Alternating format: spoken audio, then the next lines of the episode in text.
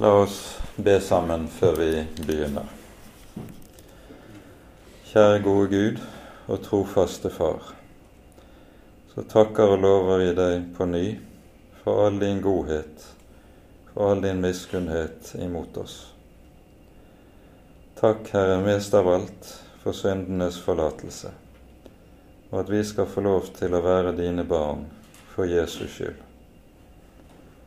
Takk, Herre Jesus, at du var villig til å gå inn under byrden av vår synd og bære det alt sammen med deg på korset. Takk, Herre, at du er trofast. Ja, Herre, at du lever til å gå i forbønn for oss. Så ber vi, gode Herre, at du vil sende din Hellige Ånd, at Han må være hos oss disse timene vi skal ha sammen. Gi lys i ordet ditt, slik at vi også må få ha lys fra ditt ord inn over våre liv. Det ber vi, Herre, i ditt eget navn, og takker og lover deg for at du er god, og din miskunnhet varer til evig tid. Amen.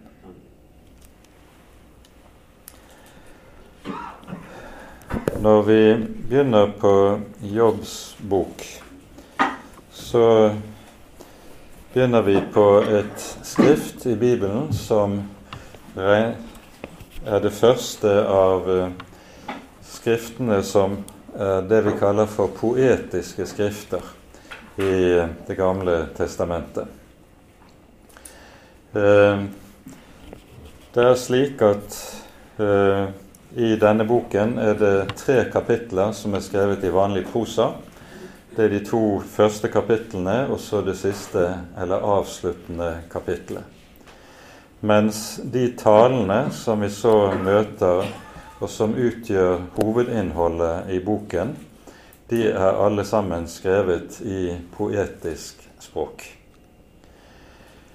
Og eh, språket i Jobbs bok, det hebraiske språket, er noe av det som er vanskeligst å oversette i Det gamle testamentet. Det henger antagelig sammen med at uh, boken er gammel. Uh, det er mer enn hundrede ord i uh, Jobbs bok som kun forekommer én gang i hele Det gamle testamentet. Og når du har ord som bare forekommer én gang i hele Gamle testamentet, da er det ofte vanskelig eh, med forståelsen. Eh, hebraisk poesi er annerledes enn den poesi som vi er fortrolige med i eh, våre språk. Eh, I hvert fall i den klassiske poesien sånn som vi kjenner den, så er dette med rim og enderim, eller bokstavrim, noe som eh, ganske viktig og utgjør en viktig side ved poesien. Det ser vi også i salmene som vi har i salmeboken vår. Er dette en del av den typiske eh, poesien. Sånn er det ikke i hebraisk. Der er det ikke bokstavrim eller enderim. I stedet er det det som man gjerne har kalt for tankerim på den måten at et vers gjerne kan bestå av to setninger, og den andre setningen i verset kan gjenta eller utdype det som sies i den første setningen i verset, bare med andre ord og begreper. Så den hebraiske poesien inneholder det vi kaller for tankerim i stedet. Så det er en annen måte å eh, skrive poetisk på enn det som vi er fortrolig med i våre språk. Um, Jobbs bok er et mysterium når det handler om spørsmålet hvem er det som har skrevet den, når er den skrevet, og hvilken tid er det man egentlig beveger seg i. I jødisk tradisjon, i Talmud, sies det at det er Moses som har skrevet Jobbs bok. Det er vel langt mer sannsynlig at den går tilbake til Salomos tid, der vi har store deler av visdomslitteraturen og den poetiske litteraturen ellers i Det gamle testamentet som er blitt til på denne tiden. Og hvem som har forfattet Skriftet, vet vi ikke. Den tiden Jobb har levet i, den vet man heller ikke stort om. Men ut fra enkelttrekk ved det som fortelles, og ikke minst ved, også ved det som ikke sies i boken, så er det mest sannsynlig at vi befinner oss i patriarkenes tid, altså Abrahams, Isaks og Jakobs periode. Men eh, dette bl.a. fordi det er ikke noen henvisning til Israels folk. Det er ikke noen henvisning til Jerusalem eller tempelet, slik som det ellers er det i, i eh, de historiske skriftene for øvrig i Det gamle testamentet. Det er eh, I siste kapittel så er det henvisning til en myntenhet, kesitter. Eh, og denne myntenheten hører vi var i bruk på Abrahams tid. Og det er kanskje et fingerpek i retning av akkurat dette. Det er også andre trekk ved hele livsbildet eh, hos Jobb som minner om patriarkene og deres tidsalder, men vi vet lite. Det er også et stort mysterium hvor er det landet Us, som Jobb levet i, befinner seg. Det, også her må man eh, eh, trekke slutninger ut fra eh, enkelte antydninger i boken.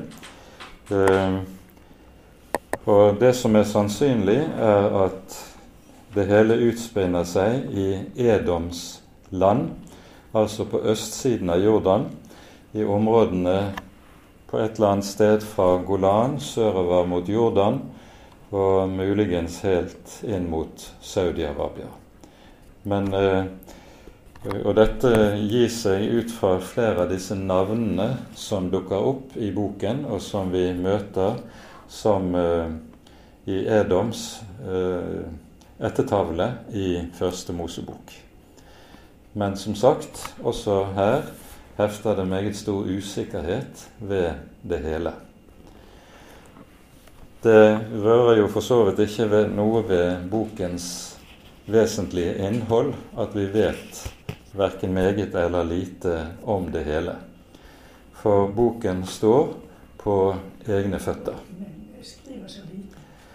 Eh, boken er disponert på følgende måte. Vi har altså de to første kapitlene, som er innledningskapitler, eh, og som forteller om Jobbs historie, Jobbs ulykke, og det siste kapittelet, som handler om Jobbs eh, gjenreisning og omvendelse.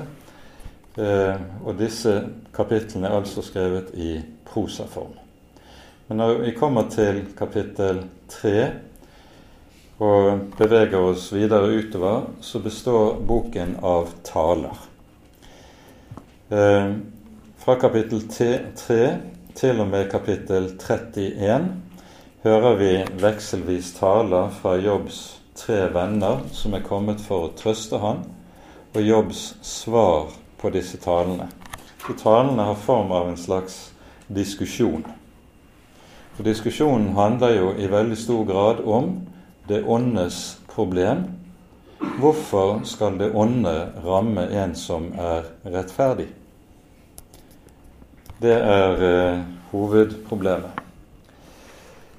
Kapittel 30 og 31 inneholder Jobb sin forsvarstale, eh, der Jobb, eh, Jobbs tre venner beskylder jo Jobb for å ha en eller annen skjult synd.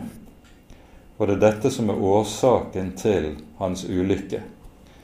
Og Dette forsvarer Jobb seg mot med nebb og klør, Og den, etter den siste forsvarstalen til Jobb i kapittel 31, 30 og 31 så lukker vennene sin munn. Da kan de ikke lenger svare han.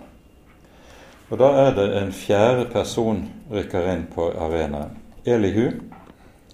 Han har tidd stille gjennom hele den diskusjonen som har gått foran, fordi han er ung og i respekt for de meget eldre ønsker å la de få lov til å tale. Men nå kan han ikke holde munn lenger, for nå må han gi ord til det som er det rette. Og Elihu er den som så sett åndelig setter eh, tingene på plass. Og så avsluttes hans tale i kapittel 36, og fra kapittel 37 åpenbarer så Herren seg for jobb. Eh, og åpenbarer seg i sin store majestet. Han åpenbarer seg på en slik måte at han ikke gir jobb noe som helst svar på det som er bokens hovedproblem, det åndes problem. Det gis ikke noe teoretisk svar på spørsmålet. Så dette er hvordan boken er disponert. Så du har altså denne diskusjonen som går frem til og med kapittel 31.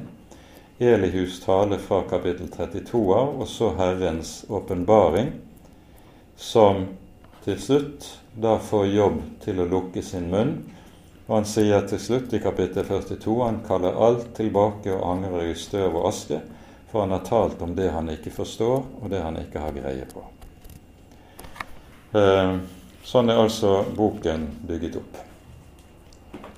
Jobbs tre venner som kommer for å trøste ham, de har alle det til felles at de i stedet for trøstere blir plageånder. De gir han det motsatte av trøst. Eh, og de taler ting som eh, vi kommer jo til å komme tilbake til og se på en del av det. De taler ting om Gud og om Guds rike og om Guds handlemåte som er i strid, på grunnleggende måte i strid med den bibelske åpenbaring. Samtidig så inneholder talene deres også mye som er sant og rett. Så det du finner i disse kapitlene, og det gjelder også Jobb sine forsvarstaler fra, i forhold til disse sine tre venner, de inneholder en blanding av det som er rett og sant, og det som slett ikke er det, som, som er det motsatte. Og Det kan gjøre en bibelleser ganske forvirret når han leser disse kapitlene. Så dette må sies til innledning. Eh, sånn at man vet litt av hva vi har i vente når vi gir oss inn i arbeidet med boken. Men nå begynner vi da med å lese kapittel 1, og vi leser dette kapitlet i sammenheng. I landet Us var det en mann som het Jobb. Han var en uklanderlig og rettskaffen mann som fryktet Gud og holdt seg fra det onde. Han fikk sju sønner og tre døtre. Han eide 7000 sauer og 3000 kameler og 500 par okser og 500 eselhopper, og han hadde en stor mengde tjenere. Han var mektigere enn alle Østens barn.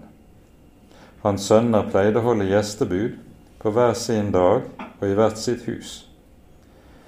Da sendte de bud til sine tre søstre og innbød dem til å komme og ete og drikke sammen med dem. Så ofte en slik omgang med gjestebud var over, sendte Jobb bud etter dem og helliget dem. Han sto tidlig opp om morgenen og ofret brennoffer, ett for hver av dem, for Jobb sa:" Kanskje sønnene mine har syndet og sagt Gud farvel i sitt hjerte slik gjorde Jobb alltid. Så hendte det en dag at Guds sønner kom og stilte seg frem for Herren, Blant dem kom også Satan. Og Herren sa til Satan, Hvor kommer du fra? Satan svarte Herren, Jeg har faret og flakket omkring på jorden. Da sa Herren til Satan, Har du gitt akt på min tjener Jobb? For det er ingen på jorden som han, en uklanderlig og rettskaffen mann, som frykter Gud og holder seg fra det onde. Men Satan svarte Herren, Mann Jobb frykter Gud for intet. Har du ikke vernet om ham og hans hus og alt som hans er på alle kanter? Hans henders gjerning har du velsignet, og budskapen hans har bredt seg vidt ut i landet. Men rekk bare ut din hånd og rør ved alt det som hans er. Da vil han forvisst si deg farvel like opp i ansiktet. Da sa Herren til Satan, Se, Alt det han eier, er i din hånd, men mot ham selv må du ikke rekke ut din hånd. Så gikk Satan bort fra Herrens åsyn. Så hendte det en dag, mens hans sønner og døtre åt og drakk vin i den eldste brorens hus, da kom der et bud til jobb og sa, Oksene pløyde, og eselhoppene beitet tett ved da kom sabeerne over dem og tok dem. Tjenesteguttene hogg de ned med sverd. Jeg var den eneste som slapp unna, så jeg kunne meddele deg det. Mens han ennå talte, kom en annen og sa, Guds ild for ned fra himmelen og rammet småfe og tjenesteguttene og brente dem opp. Jeg var den eneste som slapp unna, så jeg kunne melde deg det. Mens han ennå talte, kom en annen og sa:" Kaldeerne delte seg i tre flokker og overfalt kamelene og tok dem. Tjenesteguttene hogg de ned med sverd. Jeg var den eneste som slapp unna, så jeg kunne meddele deg det. Og mens han ennå talte, kom en annen og sa:" Dine sønner og døtre åt og drakk vin i den eldste brorens hus. Da kom der med ett en sterk storm fra den andre siden av ørkenen. Den tok tak i alle fire hjørnene på huset så det falt sammen over de unge mennesker, og de omkom. Jeg var den eneste som slapp unna, så jeg kunne melde deg det. Da reiste Jobb seg og fleiret ytterkappen sin. Han klippet håret av hodet sitt og kastet seg ned på jorden og tilba og sa:" Naken kom jeg fra min mors liv, og naken skal jeg vende tilbake. Herren ga, og Herren tok. Herrens navn være lovet. Under alt dette syndet ikke Jobb. Han lastet ikke Gud for det som hadde hendt ham. Amen.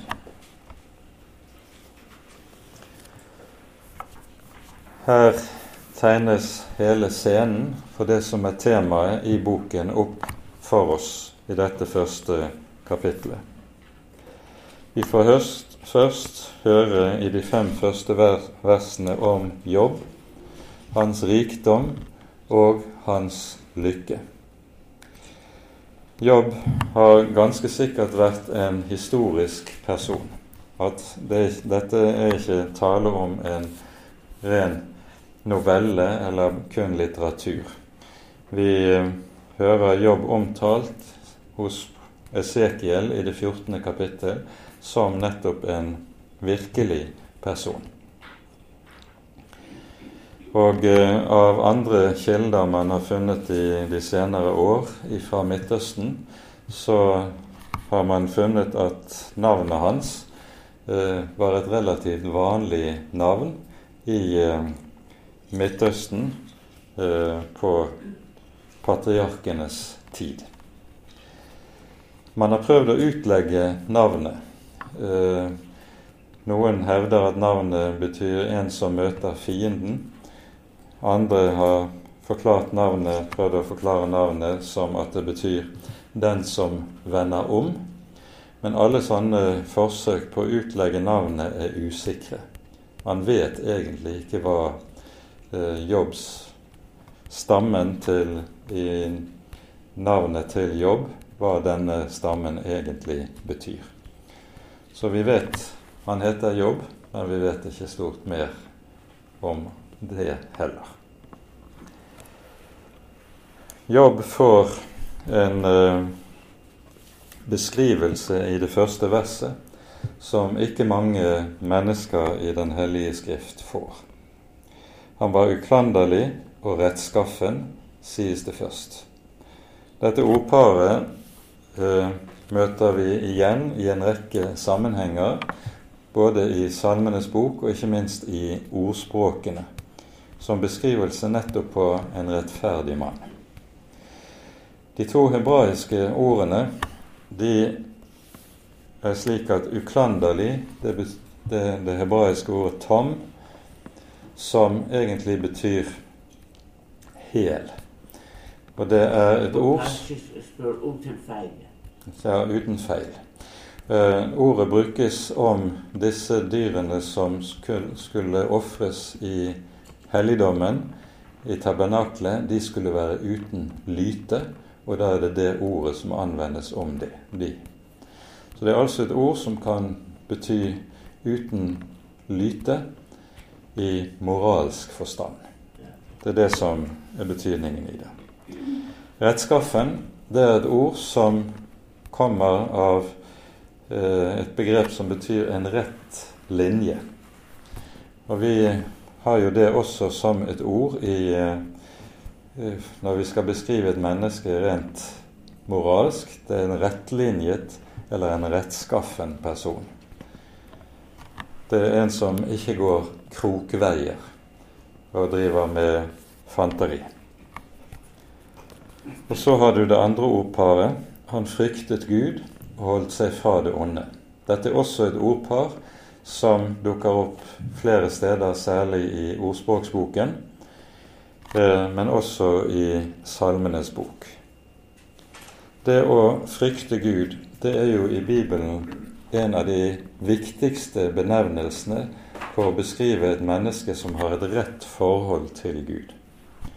Gudsfrykten, det er den menneskelige motsvarigheten til at Gud er den hellige Gud. Den som frykter Gud, det er en som vet hvem han har med å gjøre i Herren, og derfor har dette som kalles for Guds frykt. Det er ærefrykt, ærbødighet, overfor Han som er den hellige. Og så til slutt han viker fra det onde. Og det er nettopp også en måte å tale på som du finner allerede i den første salmen i Salmenes bok. Den innledes jo slik salig den mann som ikke står på ugudeliges vei, ikke vandrer i ugudeliges råd, ikke har satt seg i spotteres sete, men han viker unna det som er ondt, fordi han frykter Herren. Hører, de to tingene hører sammen. Den som ikke viker unna det onde, han frykter heller ikke Herren. Så de to tingene henger uløselig sammen. Og når Gud etterpå i samtalen med Satan i himmelen eh, beskriver jobb, så beskrives jobb altså med de samme ordene. I, det ser vi i vers 8. Så dette er Guds eget vitnesbyrd om jobb. Det er ikke noe lite vitnesbyrd å få fra den levende og fra den hellige Gud.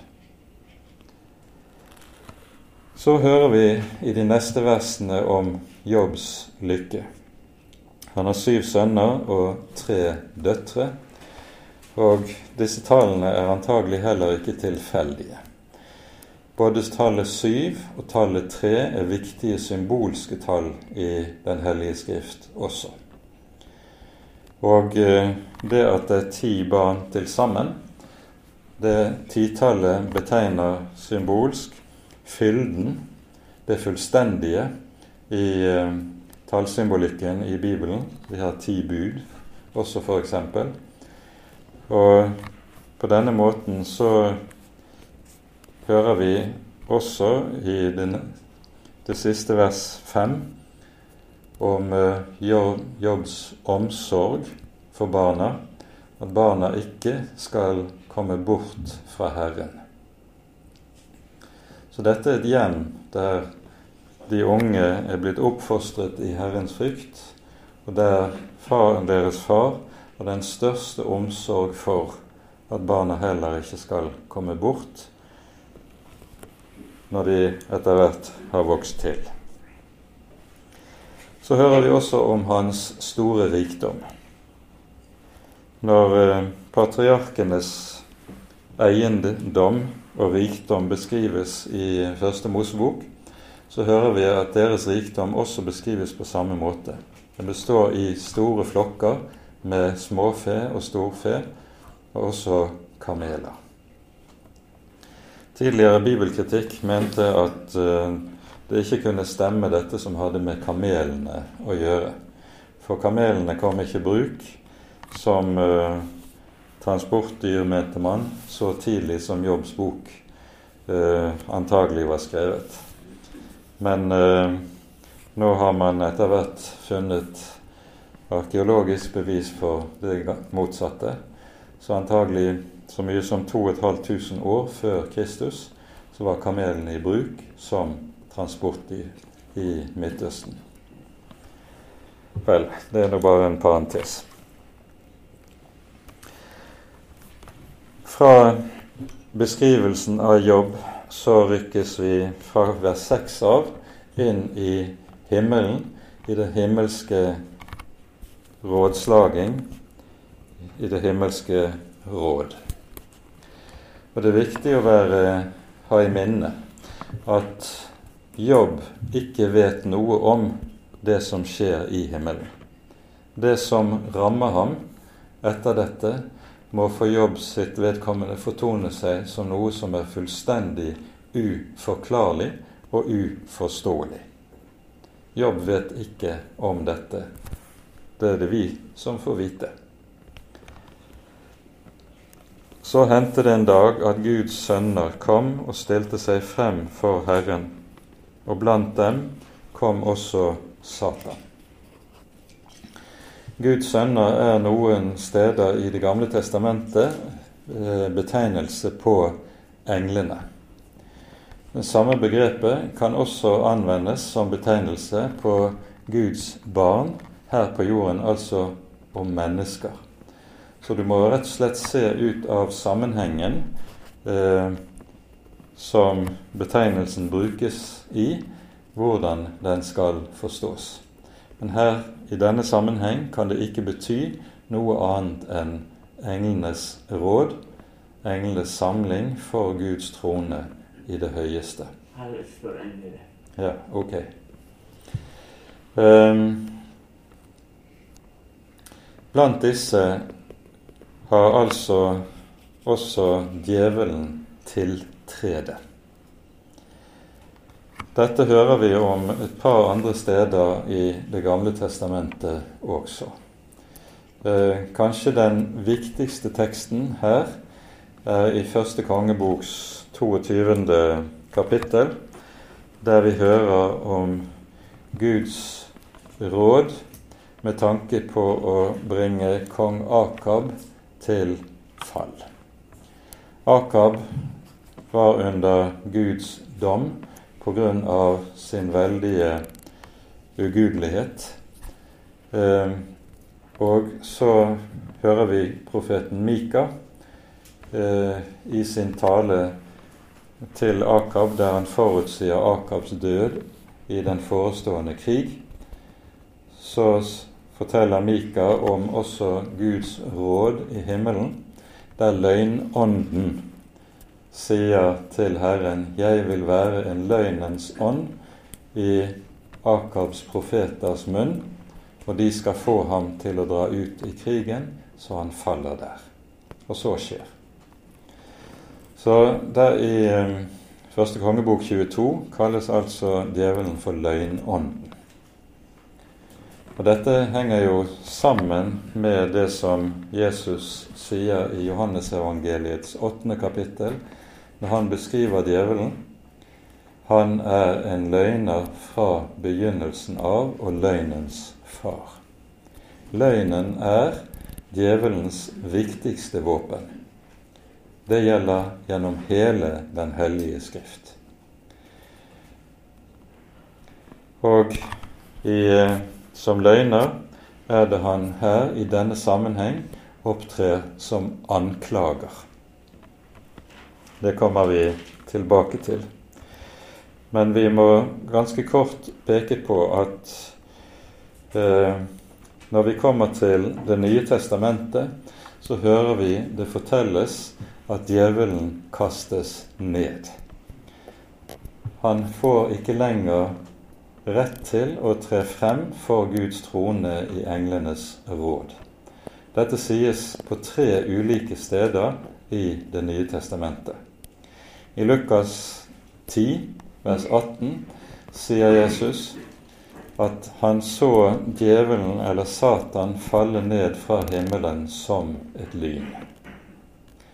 Og Johannes 12, eh, vers 31, når Jesus eh, i den stille uke på ny minner om og forutsier sin død på korset, så sier han at nå er timen kommet da denne verdens fyrste skal kastes ut.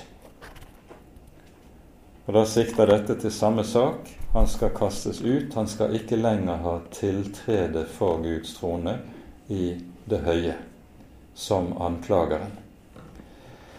Og det tredje stedet er i åpenbaringsbokens tolvte kapittel, der vi hører om barnet, Kristusbarnet, Frelseren, som er kvinnens ett, som fødes, kommer til jord for å fullføre frelsen, og så blir det en strid i det høye, anført av Mikael, eh, som leder for englenes herskare, og Striden fører til at Satan blir kastet ned på jorden og ikke lenger har sitt sted i det høye.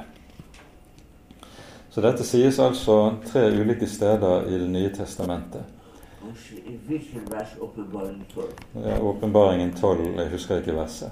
Men uh, i det hele tatt så er åpenbaringsbokens tolvte kapittel et uhyre viktig og sentralt kapittel.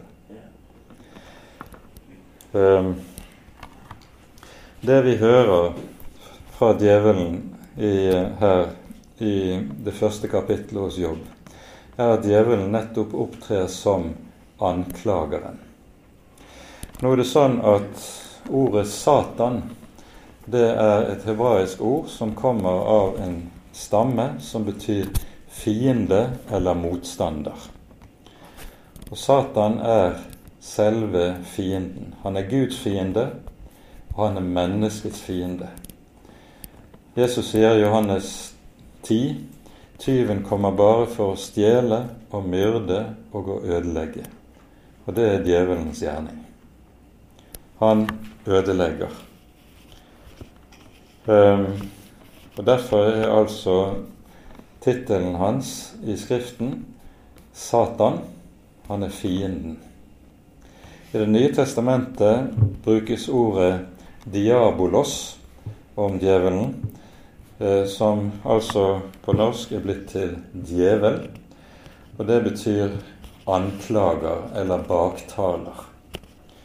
Og det er nettopp som anklageren og baktaleren han opptrer i denne sammenheng. Han eh, sier i sin anklage at når Jobb frykter Gud, så er det bare fordi han har vinning av det for sitt eget vedkommende. Hvis eh, du tar fra ham all hans rikdom og all hans lykke, så vil hans gudsfrykt også bli borte som dugg for solen. Det er det som eh, anklageren hevder om jobb. Hvilket fører til at Gud tillater djevelen å gjøre nettopp dette og frata ham hans eiendom og å frata ham det meste av hans familie, også gjennom store ulykker, katastrofer, som rammer. Og dette blir en prøve for jobb. Og Gud tillater altså denne slags prøver av sine. Hele dette kapitlet og hele boken er med andre ord et eneste sterkt vitnesbyrd imot det som vi kaller for herlighetsteologien. Herlighetsteologien tenker som så at der et menneske er et Guds barn, der skal det stadig ha fremgang, der skal det lykkes på alle mulige områder i livet. Jobbs bok lærer altså noe ganske annet. Og Vi kan godt si det sånn at hovedtemaet i Jobbs bok dreier seg om forholdet mellom det vi kaller for korsets teologi og herlighetens teologi. Det underlige vi kan møte i Det nye testamentet, det er at fariseerne de har en lære som er nøyaktig lik den lære som Jobbs venner hadde. De lærte, det ser vi i Johannesevangeliet kapittel 5, eh, der disiplene spør Jesus i møte med en mann som er blindfødt. Er det han som har syndet, eller er det hans foreldre som har syndet, siden han skulle bli født blind? Hele denne tenkning at sykdom, skade, ulykke er noe som rammer et menneske av bestemte, konkrete synder, det var fariseernes oppfatning. Og du møter denne oppfatning igjen i eh, det vi kaller for herlighetsteologiske bevegelser i våre dager, som også lærer nøyaktig det samme. Frykter du Gud, skal du ikke bli syk. Frykter du Gud, skal du ha fremgang og velstand. Du skal ikke rammes av noen ulykke. Det er underlig at fariseerne hadde en sånn lære når de tross alt hadde Jobbs bok, som er et eneste stort rop imot slik tenkning. Gud tillater altså at jobb prøves. Og eh, prøven har det med seg som eh, kanskje er samlet best i en konkret sum i 5. Moseboks 8. kapittel, der vi hører hva Herren sier om den prøve som Israel var underkastet under ørkenvandringen. Her sies det i 5. Mosebok kapittel 8 vers 2 følgende.: Kom i hu hele den vei Herren din Gud har ført deg på i disse 40 år i ørkenen, for å ydmyke deg og prøve deg, og for å kjenne hva som var i ditt hjerte, om du ville holde hans bud eller ikke. Altså, folket opplever prøvelser, nød og motgang. Og så sier, sier Herren dette var for å prøve deg og for å se hva som var i ditt hjerte. Nemlig om hjertet holdt fast på Herrens ord eller ikke. Det er det all prøvelse som Gud tillater, kommer til å dreie seg om, samtidig som prøvelse også fungerer som åndelig lutring. Det kommer vi til å komme tilbake til etter hvert.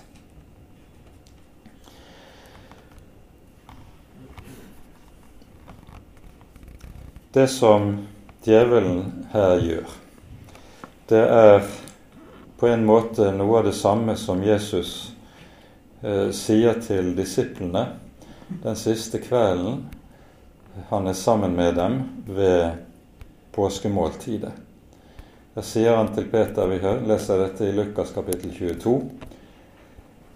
Peter, Satan krevet å få dere i sin hånd for å sikte dere like som hvete.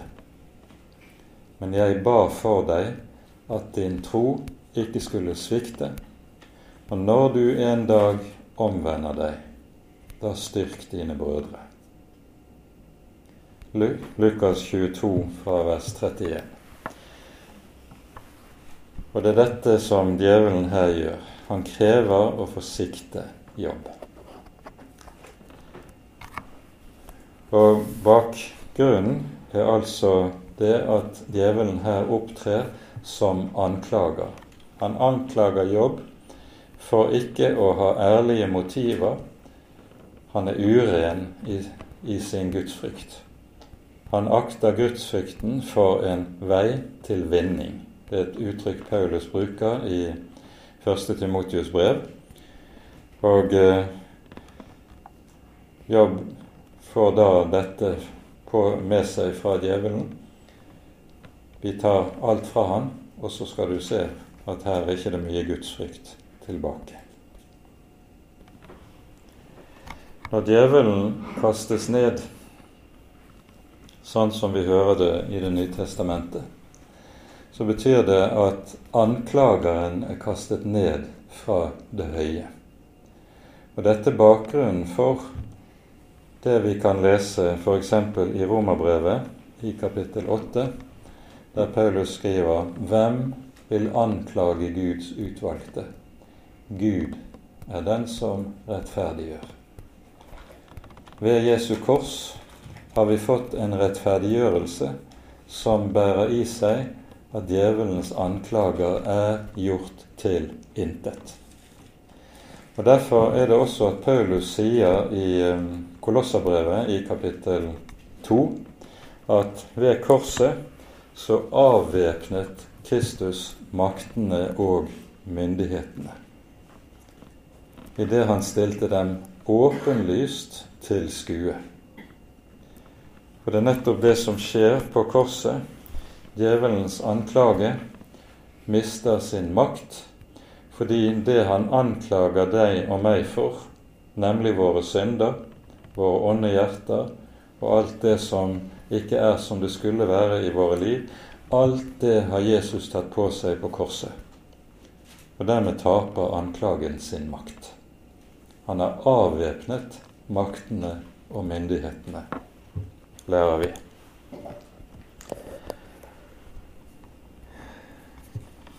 Det er altså sånn at dette som vi her hører fra den onde sin side, er at djevelen i realiteten er herlighetsteolog.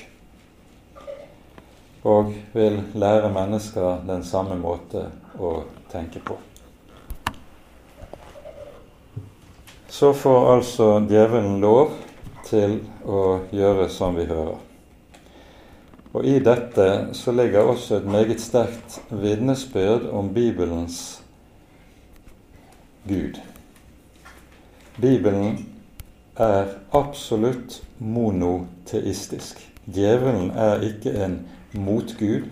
Det er ikke så å si to opprinnelige makter, en god og en ond, og der djevelen er en motgud som Gud har svare strev med å overvinne.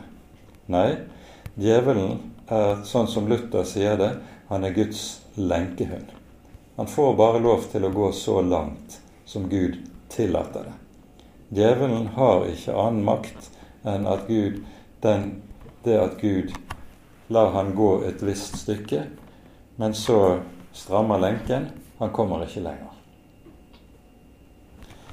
Så Gud har satt en klar grense for hvor langt eh, Satan får lov til å gå. Du får ikke lov til å røre ved jobb selv, men bare ved hans eiendom, og altså også, som vi hører det, ved hans familie.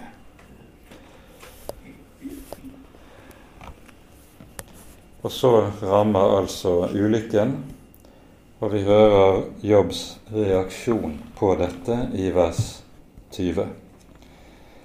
Han flerret kappen sin eh, og raket sitt hode. Dette er to fa faste uttrykk i Midtøsten for stor og for tung sorg. det å rive kappen sin og så rake seg, det var de ytre tegnene på stor og tung sorg. Og så bryter Jobb altså ut. Naken kom jeg fra mors liv, og naken skal jeg vende tilbake. Vi har intet hatt med oss inn i verden, skriver Paulus, i tråd med dette. Vi skal heller ikke ta noe med oss ut av det. Dette er også i 1. Timotius 6. Og så kommer Jobbs tro. Han klandrer ikke Gud.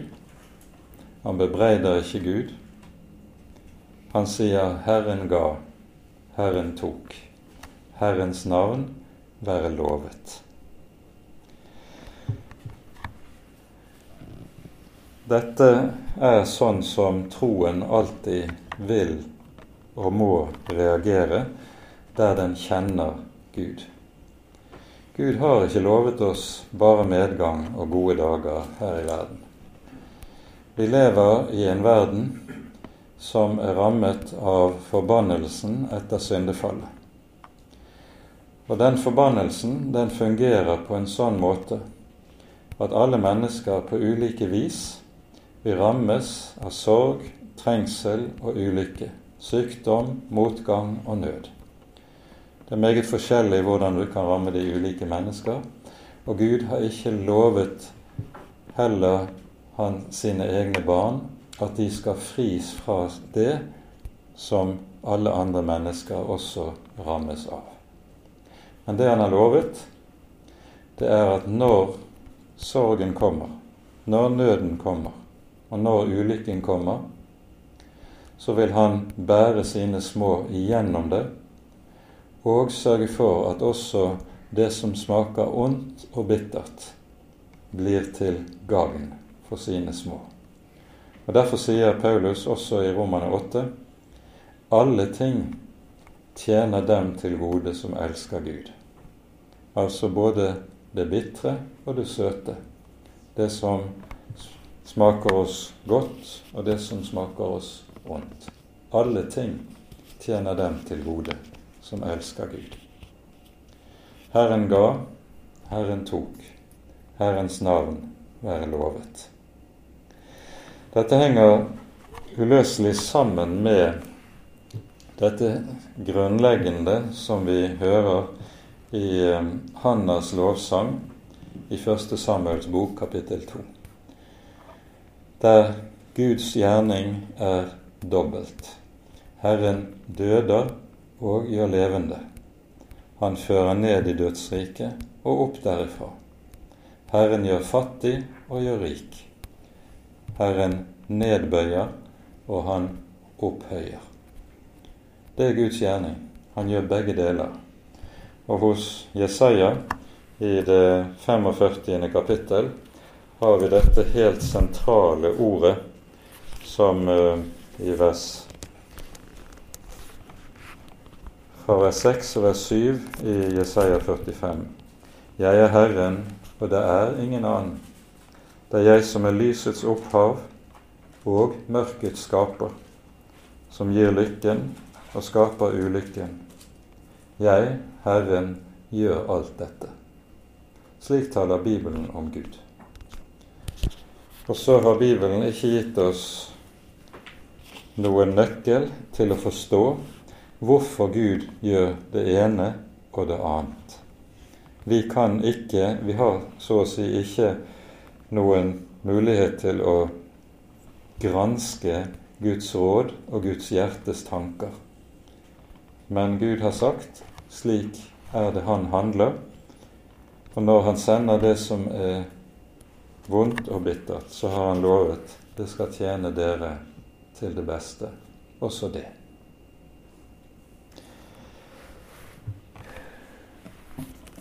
Vi tar oss tid også til å lese det neste kapitlet før vi setter punktum. Så hendte det en dag at Guds sønner kom og stilte seg frem for Herren. Blant dem kom også Safan, Satan og stilte seg frem for Herren. Og Herren sa til Satan, hvor kommer du fra, Satan? Og Satan svarte, Jeg har fartet og flakket omkring på jorden. Da sa Herren til Satan, Har du gitt akt på min tjener Jobb? Det er ingen på jorden som han, en uklanderlig og rettskaffen mann, som frykter Gud og holder seg fra det onde. Ennå er han like uklanderlig. Uten grunn har du egget meg til å ødelegge ham. Men Satan svarte Herren, hud for hud. Med alt det en mann har, men alt det en mann har, gir han for sitt liv.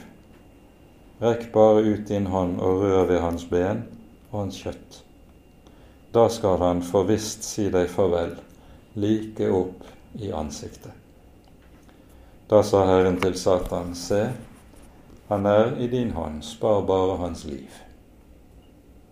Så gikk Satan bort fra Herrens åsyn, og han slo Jobb med smertefulle byller fra fotsåle til isse.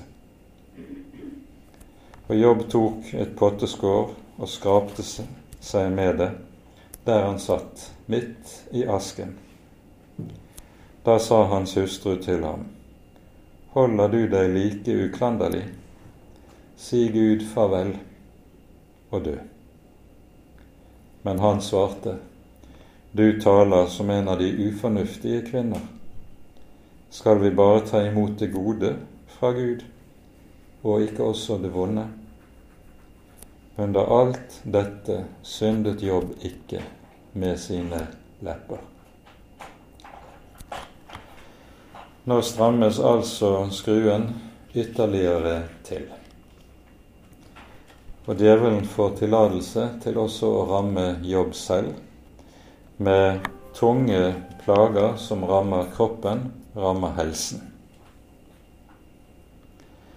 Og da er det, er det at jobb til sist får en rammes av noe som kanskje er av det mest tunge for han, det er hans kones ord til ham. I kirkehistorien så hører vi at de, eh, Jobbs hustru ikke får veldig eh, store ord til ros. Augustin kaller Jobbs hustru for eh, djevelens svøpe. Eh, og Krysostomos kaller henne for djevelens redskap. Og dette eh, må, må, vi også, tror jeg, vite fra våre egne liv. Eh, der man står opp i stor nød og vansker, og der ens ektefelle ikke blir en støtte, men blir det motsatte. Der må det bli ulidelig tungt og ulidelig vanskelig. Eh, vi skal ikke si veldig mye om det i denne sammenheng, bare at også nå holder jobb ut med det vi hører i eh, det tiende verset, så varierer han det som vi leste på slutten av det første kapittel. Skal vi bare ta imot det gode av Guds hånd, ikke også det vonde. For Herren er Gud, og Han har livet vårt i sine hender. Og Han kan også føre oss gjennom det som kalles for dødsskyggens dal. Og det er det som er skjedd med jobb nå. Nå har Gud ført han inn i dødsskyggens dal. I sånne tider skulle en få hjelp og trøst ved at de som står en nær, og de som er ens venner, kunne hjelpe en til å se det som står videre i Salme 23, der det sies om jeg enn skulle gå i dødsskyggens dal, frykter jeg ikke for vondt, for du er med meg. Din kjepp og din stav, de trøster meg. Det er det ens venner skulle hjelpe en med i sånne tider. Det er det ens nærmeste skulle hjelpe en med i slike tider. Herren fører oss ikke utenom dødsskyggens dal. Før eller senere i livet så må vi igjennom han. Og Da er det helt avgjørende å ha dette som er den rette trøst. Du er med meg. Din kjepp og din stav, de trøster meg. Slik trøst er det Jobb blir berøvet fra både sin hustru og sine venner i det vi ser i fortsettelsen. Men det kommer vi tilbake til i neste bibeltime. Ære være Faderen og Sønnen og Den hellige ånd, som var og er og være skal, en sann Gud, høylovet i evighet. Amen.